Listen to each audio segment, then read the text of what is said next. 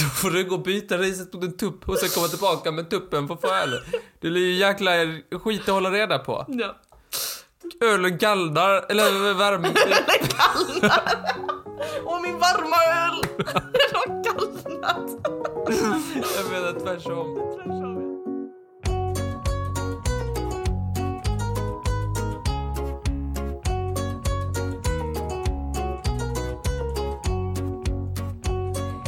Hej och välkomna till Trivialist! Vår podd Martin. Välkomna.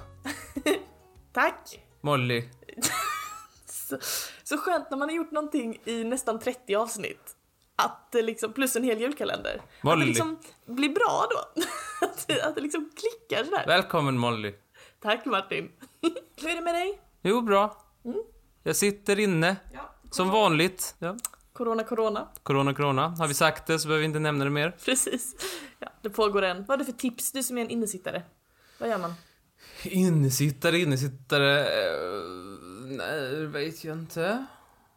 Lägger pussel? Nej, för fan, gör något vettigt med era liv, människor. Oj, herregud. Herregud, lägga ett pussel. Reaktion. Kan man ju lika gärna lära sig spela ett instrument, det är ju samma skit va? Ja, eller tv-spel. Nej, tv-spel kan man, om det är rätt tv-spel kan man ju... Du känner att det är konstruktivt? Man kan säga att ni pangar alla bovar. Ja. Ni ska komma som era vapen och bara pang, pang, skjut, skjut. Åh, testosteronet flödar. Det enda som flödar är experience points. Aj, mitt hjärta. Det var så töntigt sagt. Aj, mitt hjärta. Oj, oj, oj. Jag Måste skojar. jag påminna mig om att du Man- har bra kvaliteter också. Martin, vad är veckans eh, tema? Snålhet. Snålhet, ja. Det var Linnea som skickade in det Tack. förslaget. Tack Linnea. Om man är snål, då håller man i sina pengar, eller hur Martin? Ja, Då vill man inte göra sig av med sina pengar, då sitter man och håller på dem. inte dela med sig. Inte dela med sig. Vad är det egentligen som vi liksom vill åt? Vad är det vi vill åt när vi vill åt de här pengarna? För att liksom, du vet så pengar på banken det är väldigt abstrakt. Alltså den här summan som står på ens bankkonto när man loggar in. Det är liksom bara puff. Det är bara siffror, vem bryr sig om det? Och liksom, okej tänker jag, men man kan ta ut sedlar. Men sedlar det är också bara papper. Som någon har skrivit på. 20! Står det. Och så tänkte jag, okej men alltså papperslappen, den kan man ju byta ut mot mynt. Och mynten är gjorda av ädla metaller. Som till exempel guld och sådär. Mm. Och det är lite där jag tänkte att vi ska rota ner oss i varför värdesätter vi guld? Varför är det viktigt med guld, med pengar? Hur fungerar det? Lite så guldets historia. För att så här, förstår du grejen med guld? Guld ja. Ja. Det är en gul, det är en gul metall. Ja, ser ut som smör. ja, det är... Så gott! Varför om jag ger dig en sån här, en sån här stor bit med guld, Mm. varför är det bättre än att ge dig en sån här stor bit med till exempel osmium, som är en mycket mer eh, ovanlig metall?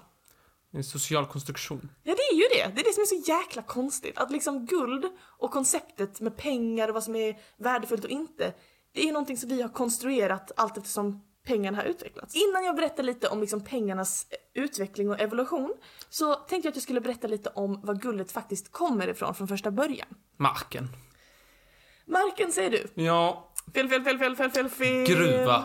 Gruva är i marken Martin. Himlen. ja, det stämmer faktiskt. För att visste du att guld faktiskt kommer från yttre rymden? Kommer inte allt från yttre rymden. Jo. Men guld är, det är faktiskt väldigt intressant. Jag har aldrig tänkt på, reflekterat över varför vi har guld i jorden i såna här ådror. Ja, men det är samma sak i Minecraft. Man hittar guld i så, alltså på, man hittar inte en guld utan man hittar guld, liksom en, en länga Naturen guld. måste ha härmat Minecraft! Ja. Nej, utan ehm, guld det är en produkt som skapas när det sker fusion inuti en stjärna. Och när en stjärna jobbar med fusion tillräckligt länge så kommer den så småningom att explodera. Och vad blir den då? Supernova. Ja det stämmer Martin! En exploderande stjärna, det blir en supernova. Men när en stjärna exploderar och då blir till en supernova så slungar den också alla de här produkterna som har skapats under fusionen ut i rymden. Han kastade. Han kastar det, han kastar uranium, och han kastar guld och han kastar helium över hela liksom, universum så långt den når. Så istället för guld kan man hitta lite helium. Ja det kan man också hitta. Går man in där så pratar alla så här. Nu pratar vi jättebra konstigt såhär. Det Du, var ett spännande rum att komma in i. Hittar du guld? nej, jag hittade helium. Ja, jag hör det. Men guldet slungades alltså på, ut i rymden från en exploderande supernova för ungefär 3,9 miljarder år sedan, är vad forskarna tror nu. Och guldet slungades rätt på den här klumpen med massa som skulle bli till jorden. Och hamnade först helt finfördelat inuti jordens massa. Men det kan ju bara varit halva jorden då. Vad menar du? Ja, men om, om någon... Om jag kastar en paj i ditt huvud. Tänk att den liknelsen ligger så nära till hands för dig. Det är inte som att du blir, får grädde i nacken då. Nej, det hade väl varit jättekonstigt. Ja, men om, om supernovan kastar guld på, på den här knölen som är, blir jorden, då får ju inte den det i nacken va? Men alltså den här knölen, jag tror att du tänker på jorden som en, en fast klump vid det här tillfället. Men Ja. istället så var det en massa små partiklar och beståndsdelar och bitar av rymdstoff som liksom flöt omkring runt varandra. Okej. Men, så det var liksom, så vi har, det är därför vi har guld på jorden från första början. På grund av utomjordiska krafter. Nej. På grund av en stjärna. Ja, utomjordiska krafter. Utomjordisk. Ja, de är ju utomjordiska krafterna som slungar hit dem. Ja, säg vad du vill. Nej, det var bara Smink det. på en gris. Men, då vet vi varför vi har guld här från första början. Nu så måste vi försöka förstå varför guld är så viktigt för oss här på jorden och då måste vi snacka lite om pengarnas historia. Okej. Du Martin, du är ju en historiskt intresserad pojk. Ja. Som sagt, idag så jobbar vi på den här väldigt abstrakta nivån. Alla har ett bankkort och vi har liksom en eh, hittepåsumma pengar som liksom finns på vårt konto. Men det finns ju ingen som har, det är inte som i Harry Potter att vi har ett bankvalv och så finns det det antalet mynt där Jo, inne liksom. det flyttas däremellan. Så här, när jag swishar dig så går, det- kommer en liten människa då och tar lite från det kontot och sätter i ditt konto va? Det en, här, en människa kommer och gör Jag tänker det. att det är så ja. Mm, Ja, Jättesnabbt gör han. Det- Han heter Swish. Han heter Swish! Swish är egentligen en gubbe, han är väldigt upptagen. Han har aldrig tagit semester, inte en sjukdag har han gjort sen han började. Um, Men allt det här började ju för tusentals år sedan när vi sysslade med byteshandel. Naturaekonomi. Nat- Vadå? naturekonomi. Det heter ju så. Tog en liten bild där till Douche Magazine. Ehm, Men och grejen med byteshandel är att det är praktiskt på ett sätt eftersom att det fungerar ju så att om jag liksom har en, om jag har en säck med ris Mm. som du vill åt och du har ett, ett, ett stop öl Ja. då kan vi, och jag gärna då kanske vill ha det stopet öl, ehm, då kan vi bara liksom byta. Ja. Så här. Det är så här, ah, du vill ha ris? Ja, ah, jag vill ha öl. Ja, ah, praktiskt så kan vi bara, här varsågod. Tack. Åh, så mycket ris. Ja, Det ska jag ge huvud då. kan jag få... Nej, då exploderar de. Ja, det, det var, det var, Det var ju- det jag det ville. tanken. Kan jag få ölet då för att du fick mitt Ja, ris? Ja, tack så mycket så. Och så är vi liksom båda glada för du har fått ditt ris, jag har fått min öl. Det, är en, det är en liknelse som är förankrad i verkligheten. Så man slapp liksom den här mellanhandeln som pengar egentligen är. Mm. Det som var opraktiskt, det var ju, alltså för dig kanske du som sitter där med all öl som du vill bli av med så är det kanske, du, du, bara, du, har bara, du har bara en öl du behöver bära på. Men jag har ju en hel jävla säck med ris.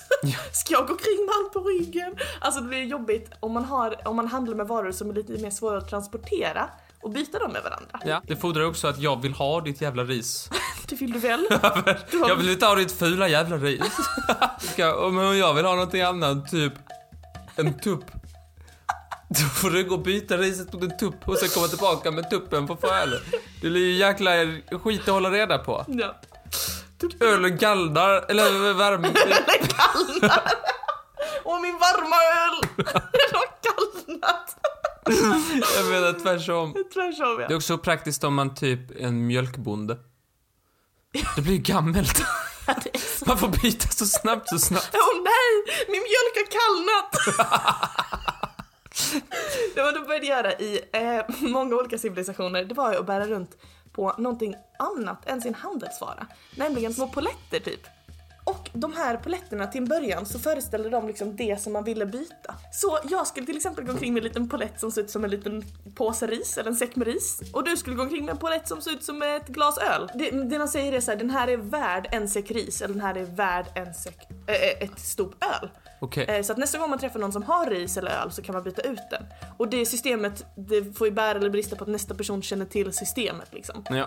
Men det började sprida ut sig ehm, och så småningom så förändrades det över tid och blev liksom ganska allmängiltiga poletter. Runda föremål, oftast av sten eller metall. Det som vi idag känner som mynt. Det allra första myntet, det var ju från eh, Lydien. Då, Mm. cirka 700 år före Kristus. Var ligger Lydien någonstans? Det är dagens Turkiet. Jag har gjort min research. Ehm, och de, det här gamla myntet då, det är en, skapat av en kombination av just guld och silver. Så, och eftersom att det äldsta myntet vi hittat är från 700 år före Kristus Ja? så kan man vara såhär, oj vad fick romarsoldaterna betalt med då? I början av liksom så här. Och då så har jag hittat att romarsoldater inte fick betalt i mynt utan de fick betalt i salt. Så gott. Ja, nu har du stått och vaktat tre dagar. Har du en liten saltbit? Kan jag inte få vatten istället? Nej, vad har du i din vattenpolett? Får man samla ihop nog med salt för att kunna byta till till vatten? ja. Åh nej, då har mitt vatten kallnat.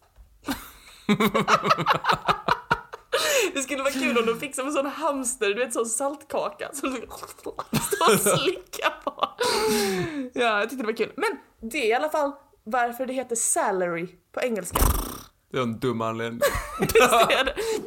Mynten i alla fall, de spred sig så småningom över hela världen, inklusive romarriket. Och eh, det blev någonting som hela världsekonomin började bli beroende av. Eh, började i olika delar, vissa det började i Kina, eh, alltså att det började användas brett. Vissa andra pratar om Turkiet eller Egypten, men liksom, det finns många olika ställen där man har börjat med mynt. Men en sak som man kan vara ganska säker på, det är vem som började med att använda sedlar istället för mynt. Eh, för det var kineserna under Tang-dynastin på 700-talet. Då började eh, eh, kineserna nämligen jobba med träsnitt. Så då kunde de liksom trycka samma mönster på papper. Och de här, jag tyckte det var lite skoj att ta med därför jag ville bara säga att eh, de här eh, papperna då, eller sedlarna, de kallades för flygande pengar eftersom de flög iväg hela tiden.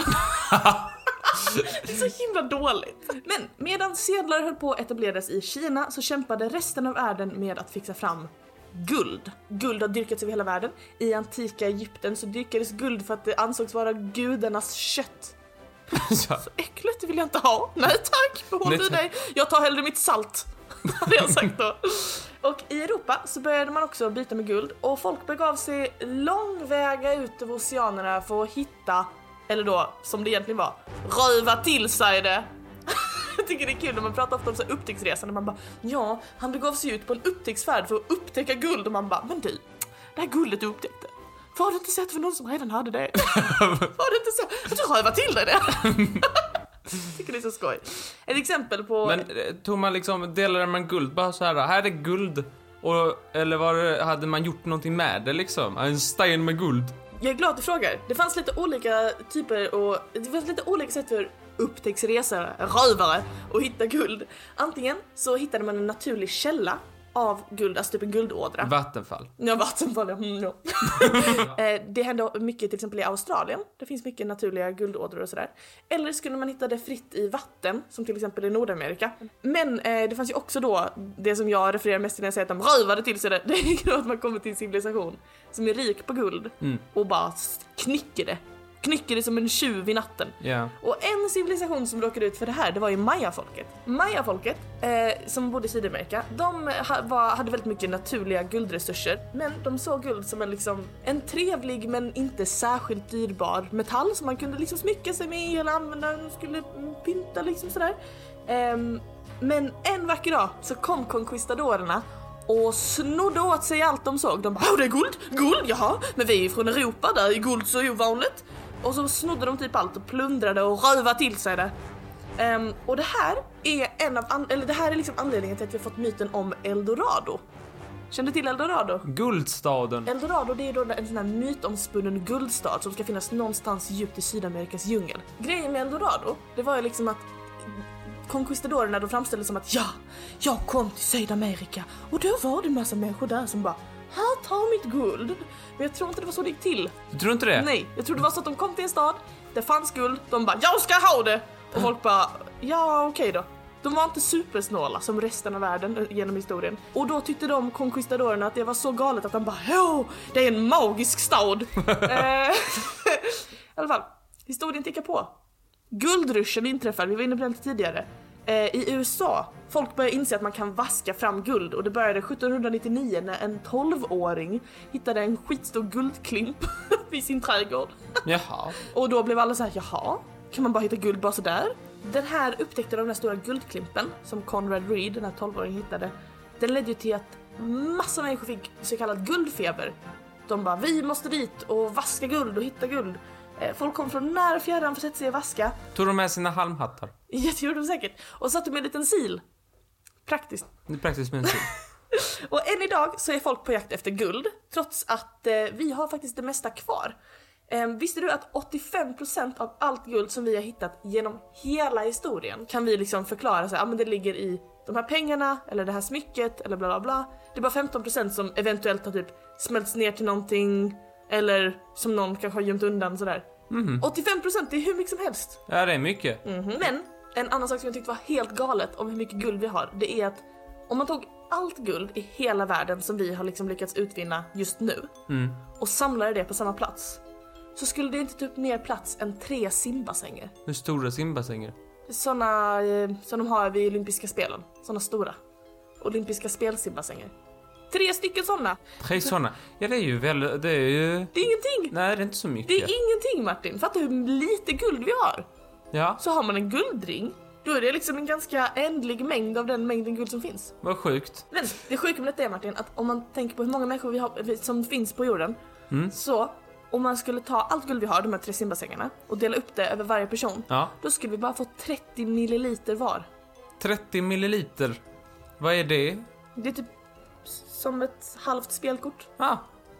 Inte konstigt att såna här riksbanker och sånt inte har guldreserver längre. Nej, inte konstigt. Men eh, också inte konstigt att det är så dyrbart om vi har så lite av det liksom. Så, hur ska vi göra nu då Martin? Hur ska vi göra för att få mer guld? Vi har ju uppenbarligen för lite, bara 30 milliliter per person. Jag har tre förslag på vad som är bästa sättet för oss att hitta mer guld. Jag tänkte du kan få välja din favorit. Mm. Fisk, fågel och mittemellan kan man säga. Okej. Fisk. Vi kan leta i havet. Forskare tror nämligen att det finns ungefär 20 miljoner ton guld i havet. Var i havet? Det är det som är problemet. Att guldet det är uppdelat, alltså finfördelat på pyttesmå beståndsdelar, typ atomnivå. Så att det blir väldigt svårt att få fram. Men om man har metalldetektor? Jo, då hittar man en atom. Ja, men det kan väl vara en atomvärld att hitta? Ja, Du tror inte på det? Liten, liten guldklimp om det är på atomnivå. Nej men liksom så att det finns 20 miljoner ton. Baksidan är det att det är liksom omöjligt att filtrera ut. Så det är fisk, ah, vad tycker du om den? Kanske inte jätte, eller så här. Det är plan B. Det är plan B, plan B. Fågel. Rymden. Ja. Då kan man ju tänka att kanske ännu en supernova, supernova, ännu en supernova kan liksom bli till, explodera och ge oss så att det regnar, bokstavligt regnar manna från himlen så att det kan få regna lite guld på oss. Problemet med det är att vi skulle förmodligen dö. Ja. Ja. Ja, så det känns ju som att havet är mer jobb. Ja, det är med jobb, det är det. Men rymden, det är ju så mycket död i Ja, hamn. det är så mycket död. Men tur att jag har tredje alternativ. Jaha. Mitt tredje förslag på hur vi ska få mer guld. Vi gör det själva! Jaha. Alkemi Martin! Ja. För det sjuka är att vi kan nämligen framställa guld idag på den här jorden. Sjukt va? Behöver bara små pincetter så vi kan sätta ihop alla beståndsdelarna. Nej, vi behöver inte små pincetter utan vi behöver en jättestor partikelaccelerator. Ja. Så med, en, med hjälp av en partikelaccelerator så kan vi tekniskt sett genomföra samma... Fusion. Ja, men samma... Process. Ja, vi kan genomföra samma process som sker i en supernova. Alltså fusion. Vi kan... Alltså pajkastningen då. Ja. Vi bombarderar en väteatom med jättemånga neuroner och protoner tills den blir tjock och då blir den till guld. Lite så förenklat, jag vill inte... Jag tänkte jag vill inte... Ädelgaser och valensia-elektroner och så vidare. Så coolt va? Att vi kan göra vårt eget guld. Ja, det är skitpraktiskt. Ett litet problem bara. Va? Ja. Vi kan bara konstruera dem atom per atom. Och det innebär att det skulle ta ungefär lika lång tid som eh, universum har funnits för att göra ett gram guld. Men det är inte värt. Nej. Se vad min prata! Tack snälla! Varsågod! Tack.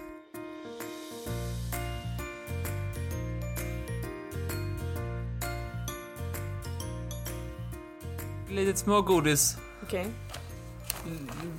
Det är nytt. Lite grann. okej, Men jag jag har en liten känsla av att den inte kommer tillbaka. okej. Det är ingen lista. Det är Nej. jättelångt ifrån en lista. Jaså, Det är väldigt, extremt långt. det är inte en lista kan man säga. Olista. O-lista ja. En samling saker som jag tänkte ta upp Mhm. under ett visst tema. Lite i punktform kan man säga. Men det är ingen lista. Nähä? Ett segment jag har valt att kalla Etymolol- Etymologikammaren. Okej. Jo! Etymologikammaren. Etymologikammaren. Jo, för att det finns massa ord som har med snålhet och pengar och grejer att göra. Som, du vet, kärt barn har många namn. Ja, Det finns många namn som har med detta att göra. ja. Jag har undersökt några av dem och hittat lite roliga, roliga etymologiska förklaringar. Kul. Vad betyder etymologi?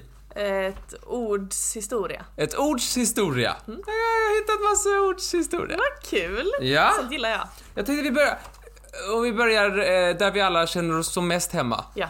Lydien. Nej! Jo, Ska Lydien. du snacka Lydien? Nej men bara ett ord. I Lydien, där fanns en kung eh, ungefär eh, 500-talet före Kristus som var väldigt rik och han ledde ett, ett, eh, eh, ett Lydien som var väldigt, väldigt eh, bra på alla sätt och vis. Sen anföll han, anföll han perserna och förlorade och så gick riket under. Men det är en annan sak. Vilken pers? Det var en pers. Men den här kungen i fråga var väldigt, väldigt rik. Omätligt rik och gav en massa pengar, bland annat till Delphi. Oraklet i Delphi. Pratar vi om Magipodden? Ja, han hette då Krösus. Ja, honom har vi varit inne på innan. Ja, Krösus. Vad är Krösus?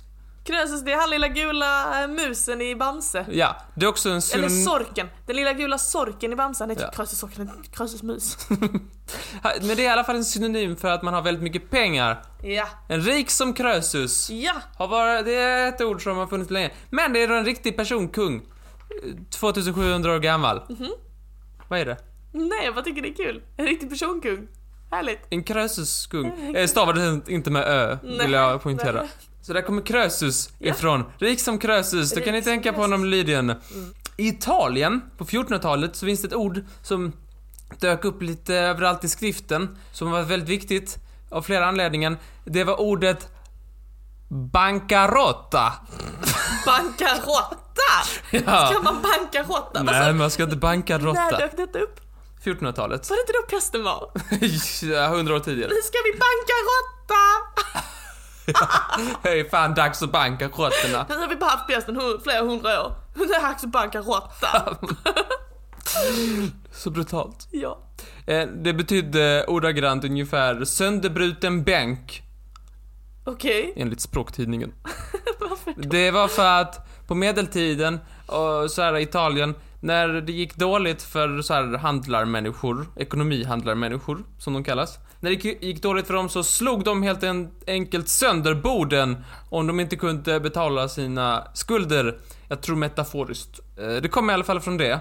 Och det är där eh, ordet eh, pankrutt kommer ifrån. Ah. Som senare har blivit bankrutt. Ja, ja, För att ja. pankrutt låter ju helt dumt. Ah, bankarotta, bankrutt. Jag fattar. Bankarotta! Mm. Så det kan ni säga om ni blir riktigt så här. Om ni blir riktigt fattiga kan vi säga, jag är riktigt bankarotta. Varför gör du sån italiensk? ja, det var väldigt stereotypiskt av mig. Ja. Och ordet pank. Bankarotta gav panke, eh, pankerutt, som då är det svenska, som då blev pank kort, och bank. När man kom på att p kan vi sätta åt på andra hållet, blir det Just det, jag vände upp och ner på det. Jättebra. Latin för huvud, vad är det? Nej, jag vet inte. Oh, pinsamt. Det är då kaput. Kaputt, ja. Kaputt! Eh, latin, kaputt, huvud, nu vet ni det. det. Det ordet har gett oss flera ord. Bland annat kommer ordet kapital därifrån, men också chef. Hur blev kaputt till chef? Kapu, kapu, kapu, kapu, chef. Ja, det var kanske lite drycker inblandade. där. Man kanske försökte säga det baklänges. Just det. Tupac. Nej, Tupac. Tvåpack! Tvåpack. Att han alltid kommer med. Att han alltid kommer. Ja, eller så, Nej, det är kapisch som man säger om man ska mörda någon. Ja, Eller om man ska utpressa någon så säger man så här. kapisch. Ge mig pengarna imorgon, kapisch? Det, det fattar du. Och då säger du kaputt. När du säger du bankarotta. Jag är bankarotta. Bankarotta. men, men vadå, kaputt betyder att något är trasigt, men det betyder också huvud. Vad är det för jävla dunk på mig? Ja, det är trasigt och huvud, det är samma. Vet du vad rött öre kommer ifrån? Nej. Att man säger så, jag har inte ett rött öre. Mm. Det var för att ören innan gjordes av koppar och det är typ rött, så då sa man, jag har inte rött öre. Men det fanns ju bara röda öron. Märkligt deskriptivt. Ja, varför sa man inte bara ett öre? Ja, ja. Spännande. Men idag har ju inte rött öron, vi har ju inte ens öron. Nej, Förutom på bankkonto, där har vi öron. där har vi Och öronpraktik. på huvudet har vi öron. Ja, på huvudet. Alltså den där podden så dålig. Eh, Jag har hittat en bra sida här, livet.se. Ja, vilken. Vill du höra vad Anonym Smålänning har sagt? Ja, säg. Den som har mest pengar när han dör har vunnit. Ja. Anonym Smålänning. Nej, det låter inte sant. Det låter som någon som dunkar på smålänningar. Nej men så är ju de. Ja. Väst, folk i Västergötland, Mhm. de har lär ha använt stålföremål som betalningsmedel. ja. Därför har vi namnet stålar till pengar. Är det sant? Ja, Nej, vad sjukt. enligt språktidningen.se. Vad galet. Ja, men vad fan vet de? De stavar ju quiz. Ja. K-V-I-S-S. ja, det är faktiskt Som en försvenskning av quiz. Det är faktiskt det dummaste jag någonsin hört i mitt liv. Vi borde mordhota dem. vi borde näthota. Vad är etymologi? Etymologi? Etymo... Etymonaleminaleminaleminaleminaleminale Vad kommer det ifrån? Hitta Nemo? Ja. Han bor i en anemon. Jag minns inte det, det är bara att det är typ jag ser. Vad är etymologihörnan det? Nej. Nähä? Etymologi... Etymologi... Etymologi, etymologi... Kammaren. Etym- Den ja. Jag tyckte det var jättekul. Det Jaha. kommer säkert tillbaka från mitt håll. Ja, det får du väl. Jag tänkte bara prata om Krösus, men tänkte gav mig någonting och då i enlighet med pengars, alltså byteshandel, då ska du såklart få någonting tillbaka. Ja! Du gav mig ett stopp öl och här kommer din metaforiska påse med ris. Det är nämligen dags för ännu ett avsnitt av den klassiska leken Kan Martin myten? Eh, kan jag inte få riset?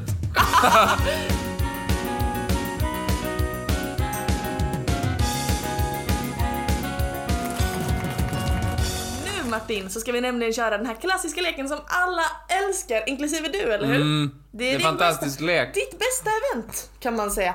Det är nämligen så att jag har samlat lite olika fakta här då på tema snålhet. Och det går allt från liksom så snåla karaktärer till eh, liksom om pengar till snåla personer. Det kan vara lite vad som helst på temat snål. Är du redo Martin? Ja. Är det antingen så att Joakim von Anka var inspirationen till Indiana Jones eller att Ebenezer Scrooge var inspirationen till Dumbledore? Ja, jag känner att min, jag är ju, eh, jag känner att jag har eh, begränsat eh, bakgrundsfakta om två här, eller båda två här. Eh, Joakim från Anka, han badar i pengar. Det kan man inte göra, man får huvudvärk. De, de har inte samma densitet som vatten. Nej. Det är därför det inte funkar. Ja, det är just därför. Och Indiana Jones, han springer från en sån här kula. Och det är ju också emot fysiken. Så där två är de ju lika. Ja. De har ju inte så mycket le. Jag vet ju Dumbledore, han är ju snäll och omtänksam. Och den andra verkar ju vara en eh, kartoffelhuvud.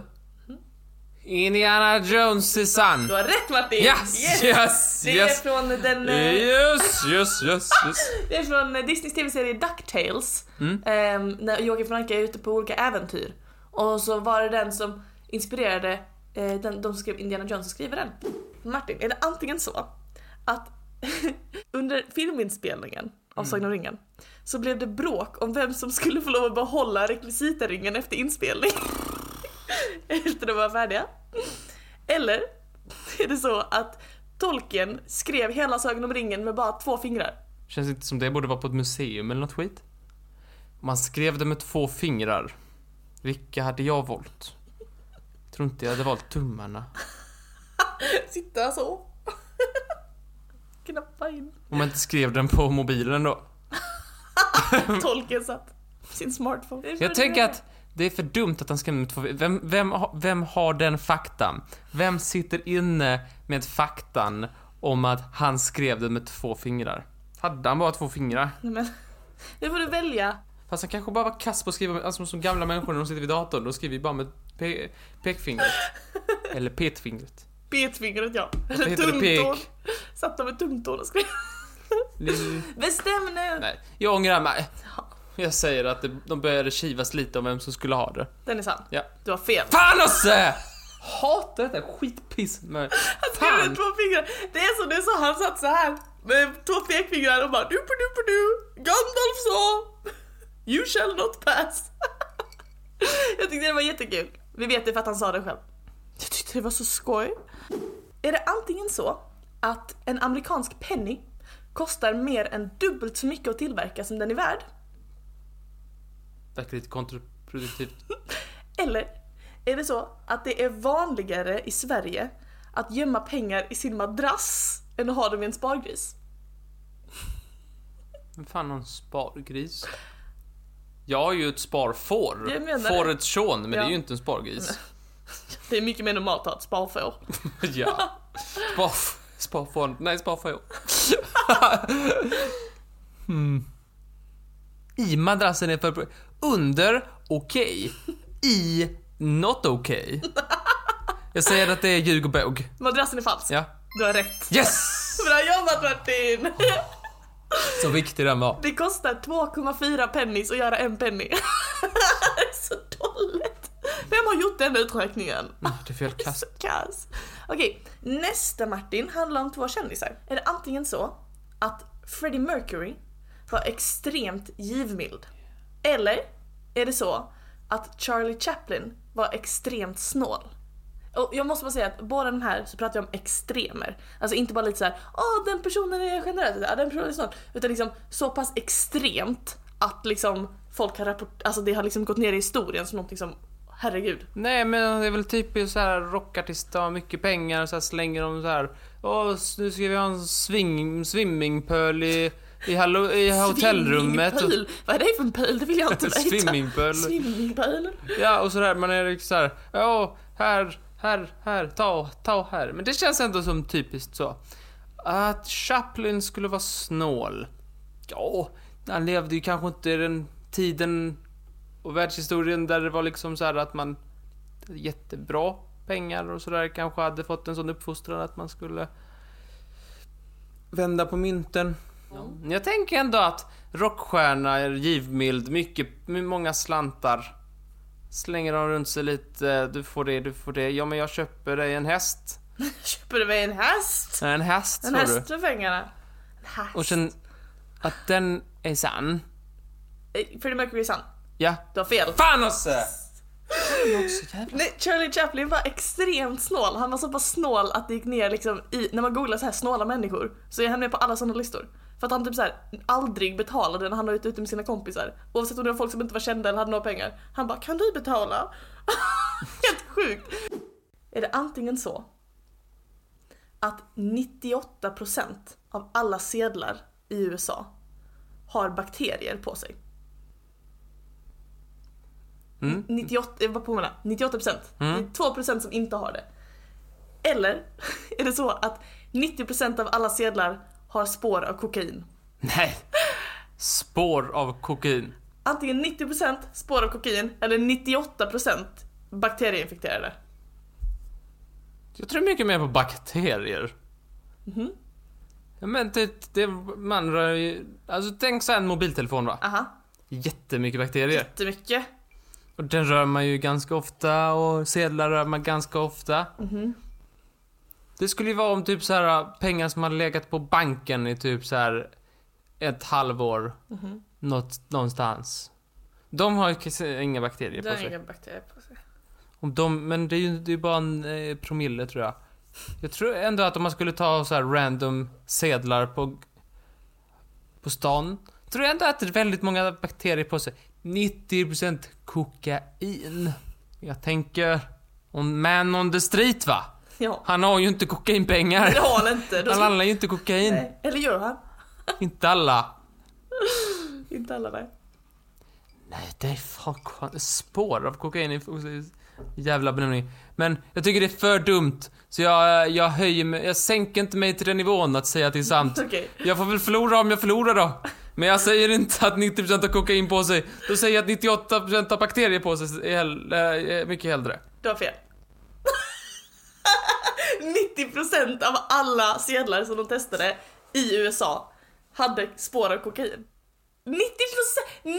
90%! Och det på University of Snurrkocken eller? 90 till 94 procent beroende på vilken studie man följer. Coincidentally, samma siffra, 90 till 94 procent av alla sedlar som har bakterier på sig. Inte 98 procent. Ja, så stor skillnad. Men jag tycker, alltså skrällen här är att 90, 90 till 94 procent av alla sedlar har spår av kokain. Men det här är alltså amerikansk studie, så jag vet inte, det kanske är annorlunda i Sverige. Men det är kul, man kan Ja, jag hoppas det är det annorlunda i. Sverige. Men, ja. Tack så hemskt mycket för att du spelade då Martin, det var nära en vinst men inte den här gången föll du short. Du följde kort. Tack så mycket för att du spelade. Ha. Martin, Ha, Martin. varsågod då. Ja, tack.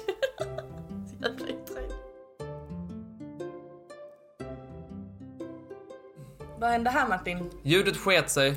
Ja, det är som den tekniska termen är då. Ja, var din snackare den är föll i glömska. Ut i eten. Så vi får göra om han. Ja. Men jag kommer att agera som att jag aldrig hört den här historien förut. Ja, jag ska upp snacka en gång till. Det kommer bli lite salt för jag är sur att jag måste göra det en gång till. Jag kan inte, jag kan inte komma ifrån att det känns som det är ditt fel.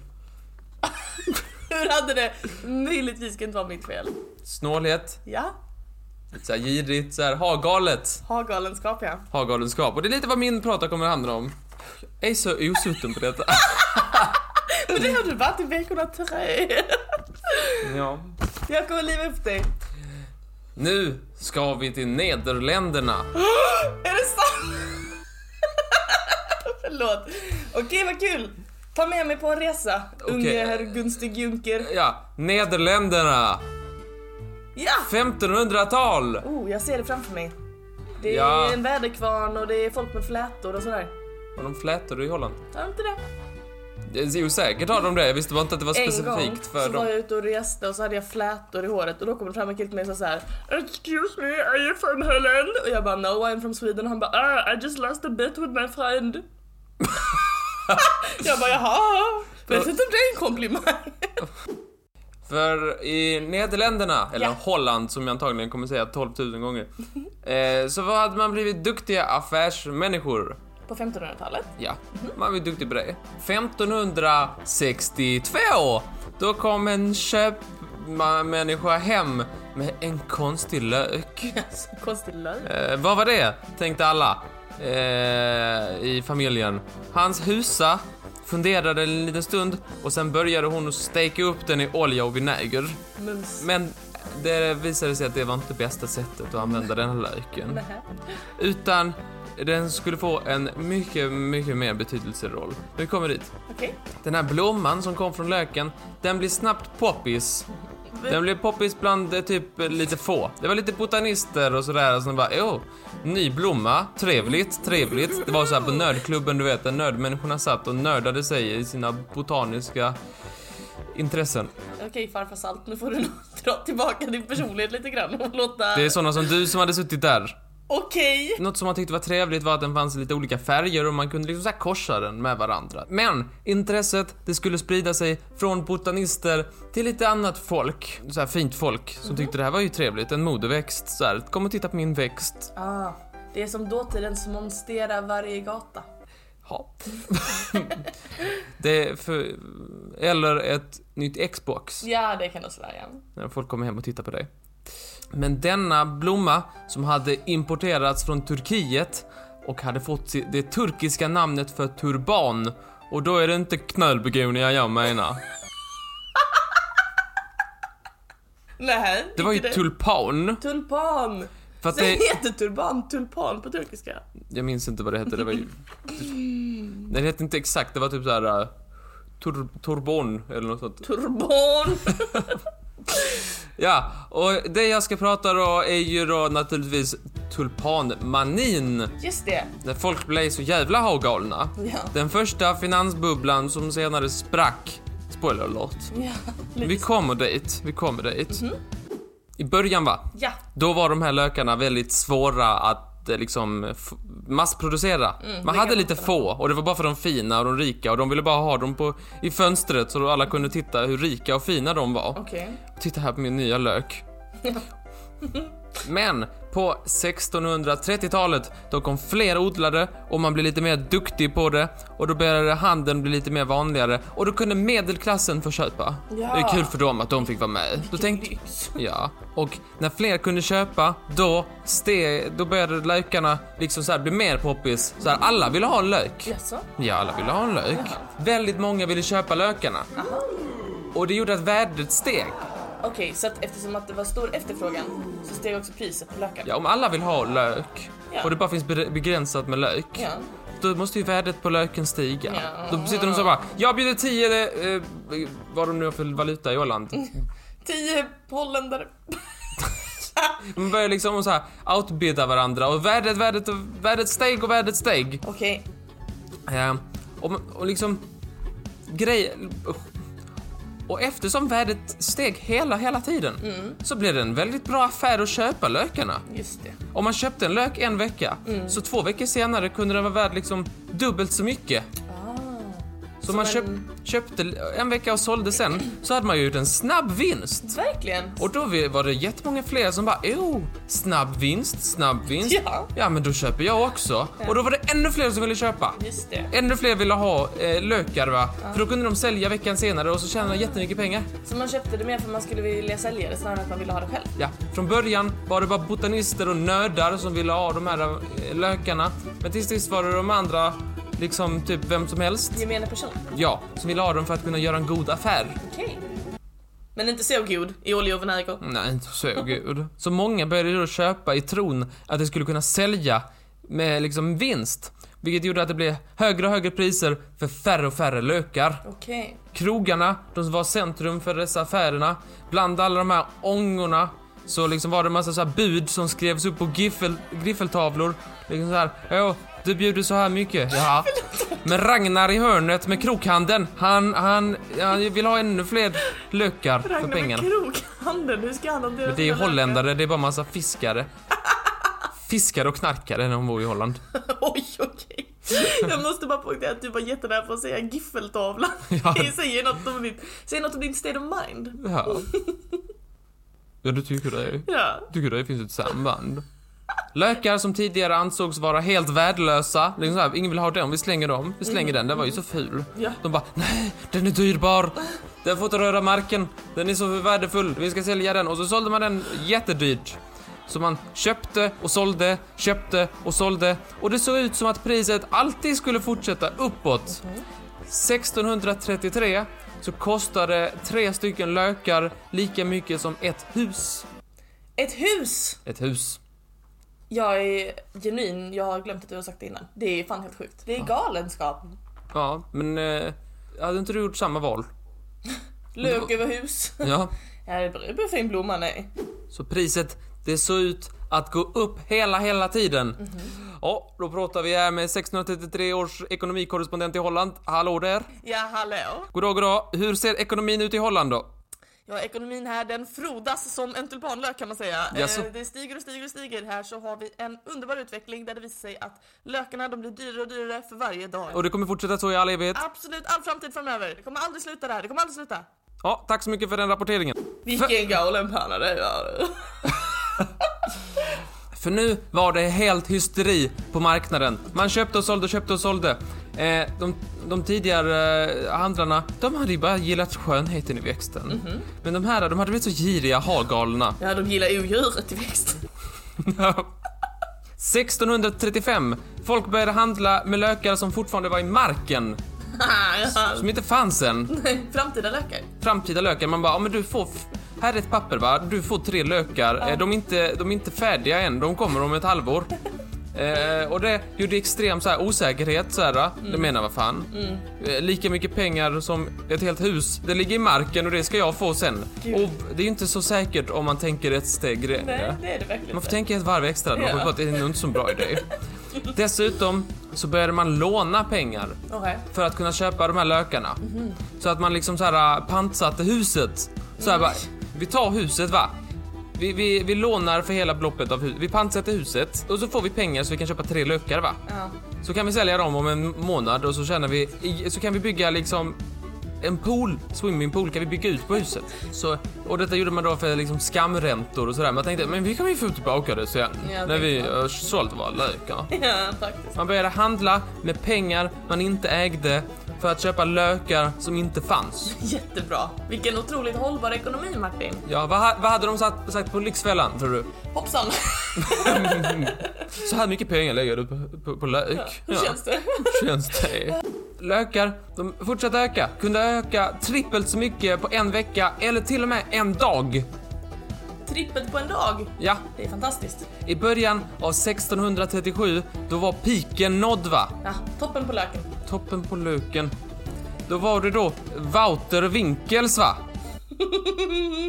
Han sålde sin löksamling eh, 1637 för 9000 gulden, eller gulden, jag vet inte riktigt vad... Guldén låter som ett efternamn på en sån eh, ond kapitalist i Bamse. då fick alla hans sju barn 13 000 gulden var. Okej. Och det var vad en hantverkarfamilj tjänade på 40 år. 40 år! Det fick varje unge va?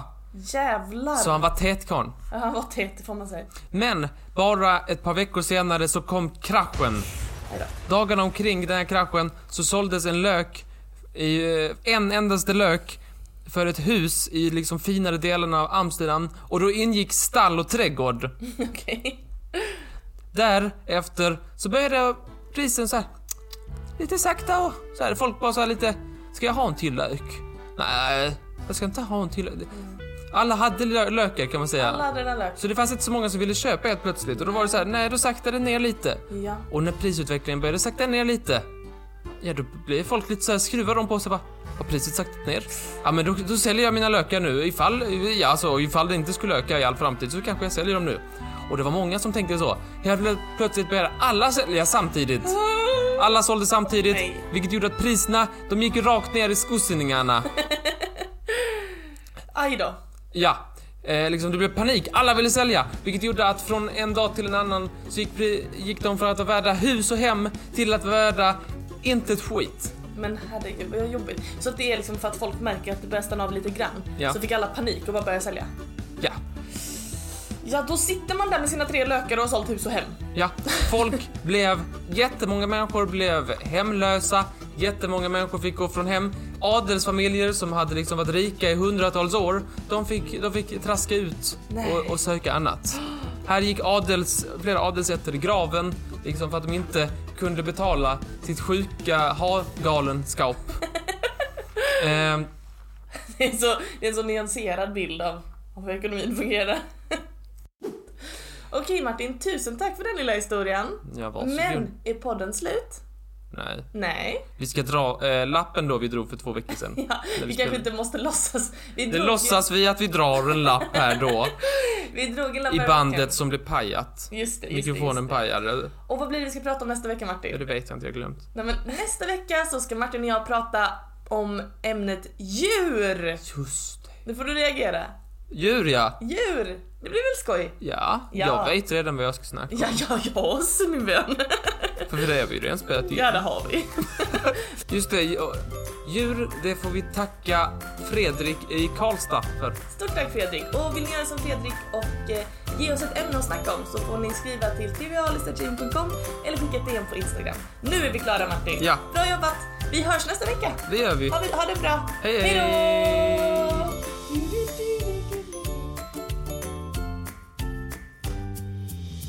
Kon- säger man conquistador eller conquistador? Um, för att i... Conquistadorerna. Conquistador. Conquistadorerna. Um, för att... Conquistador. ja, jag är en conquistador.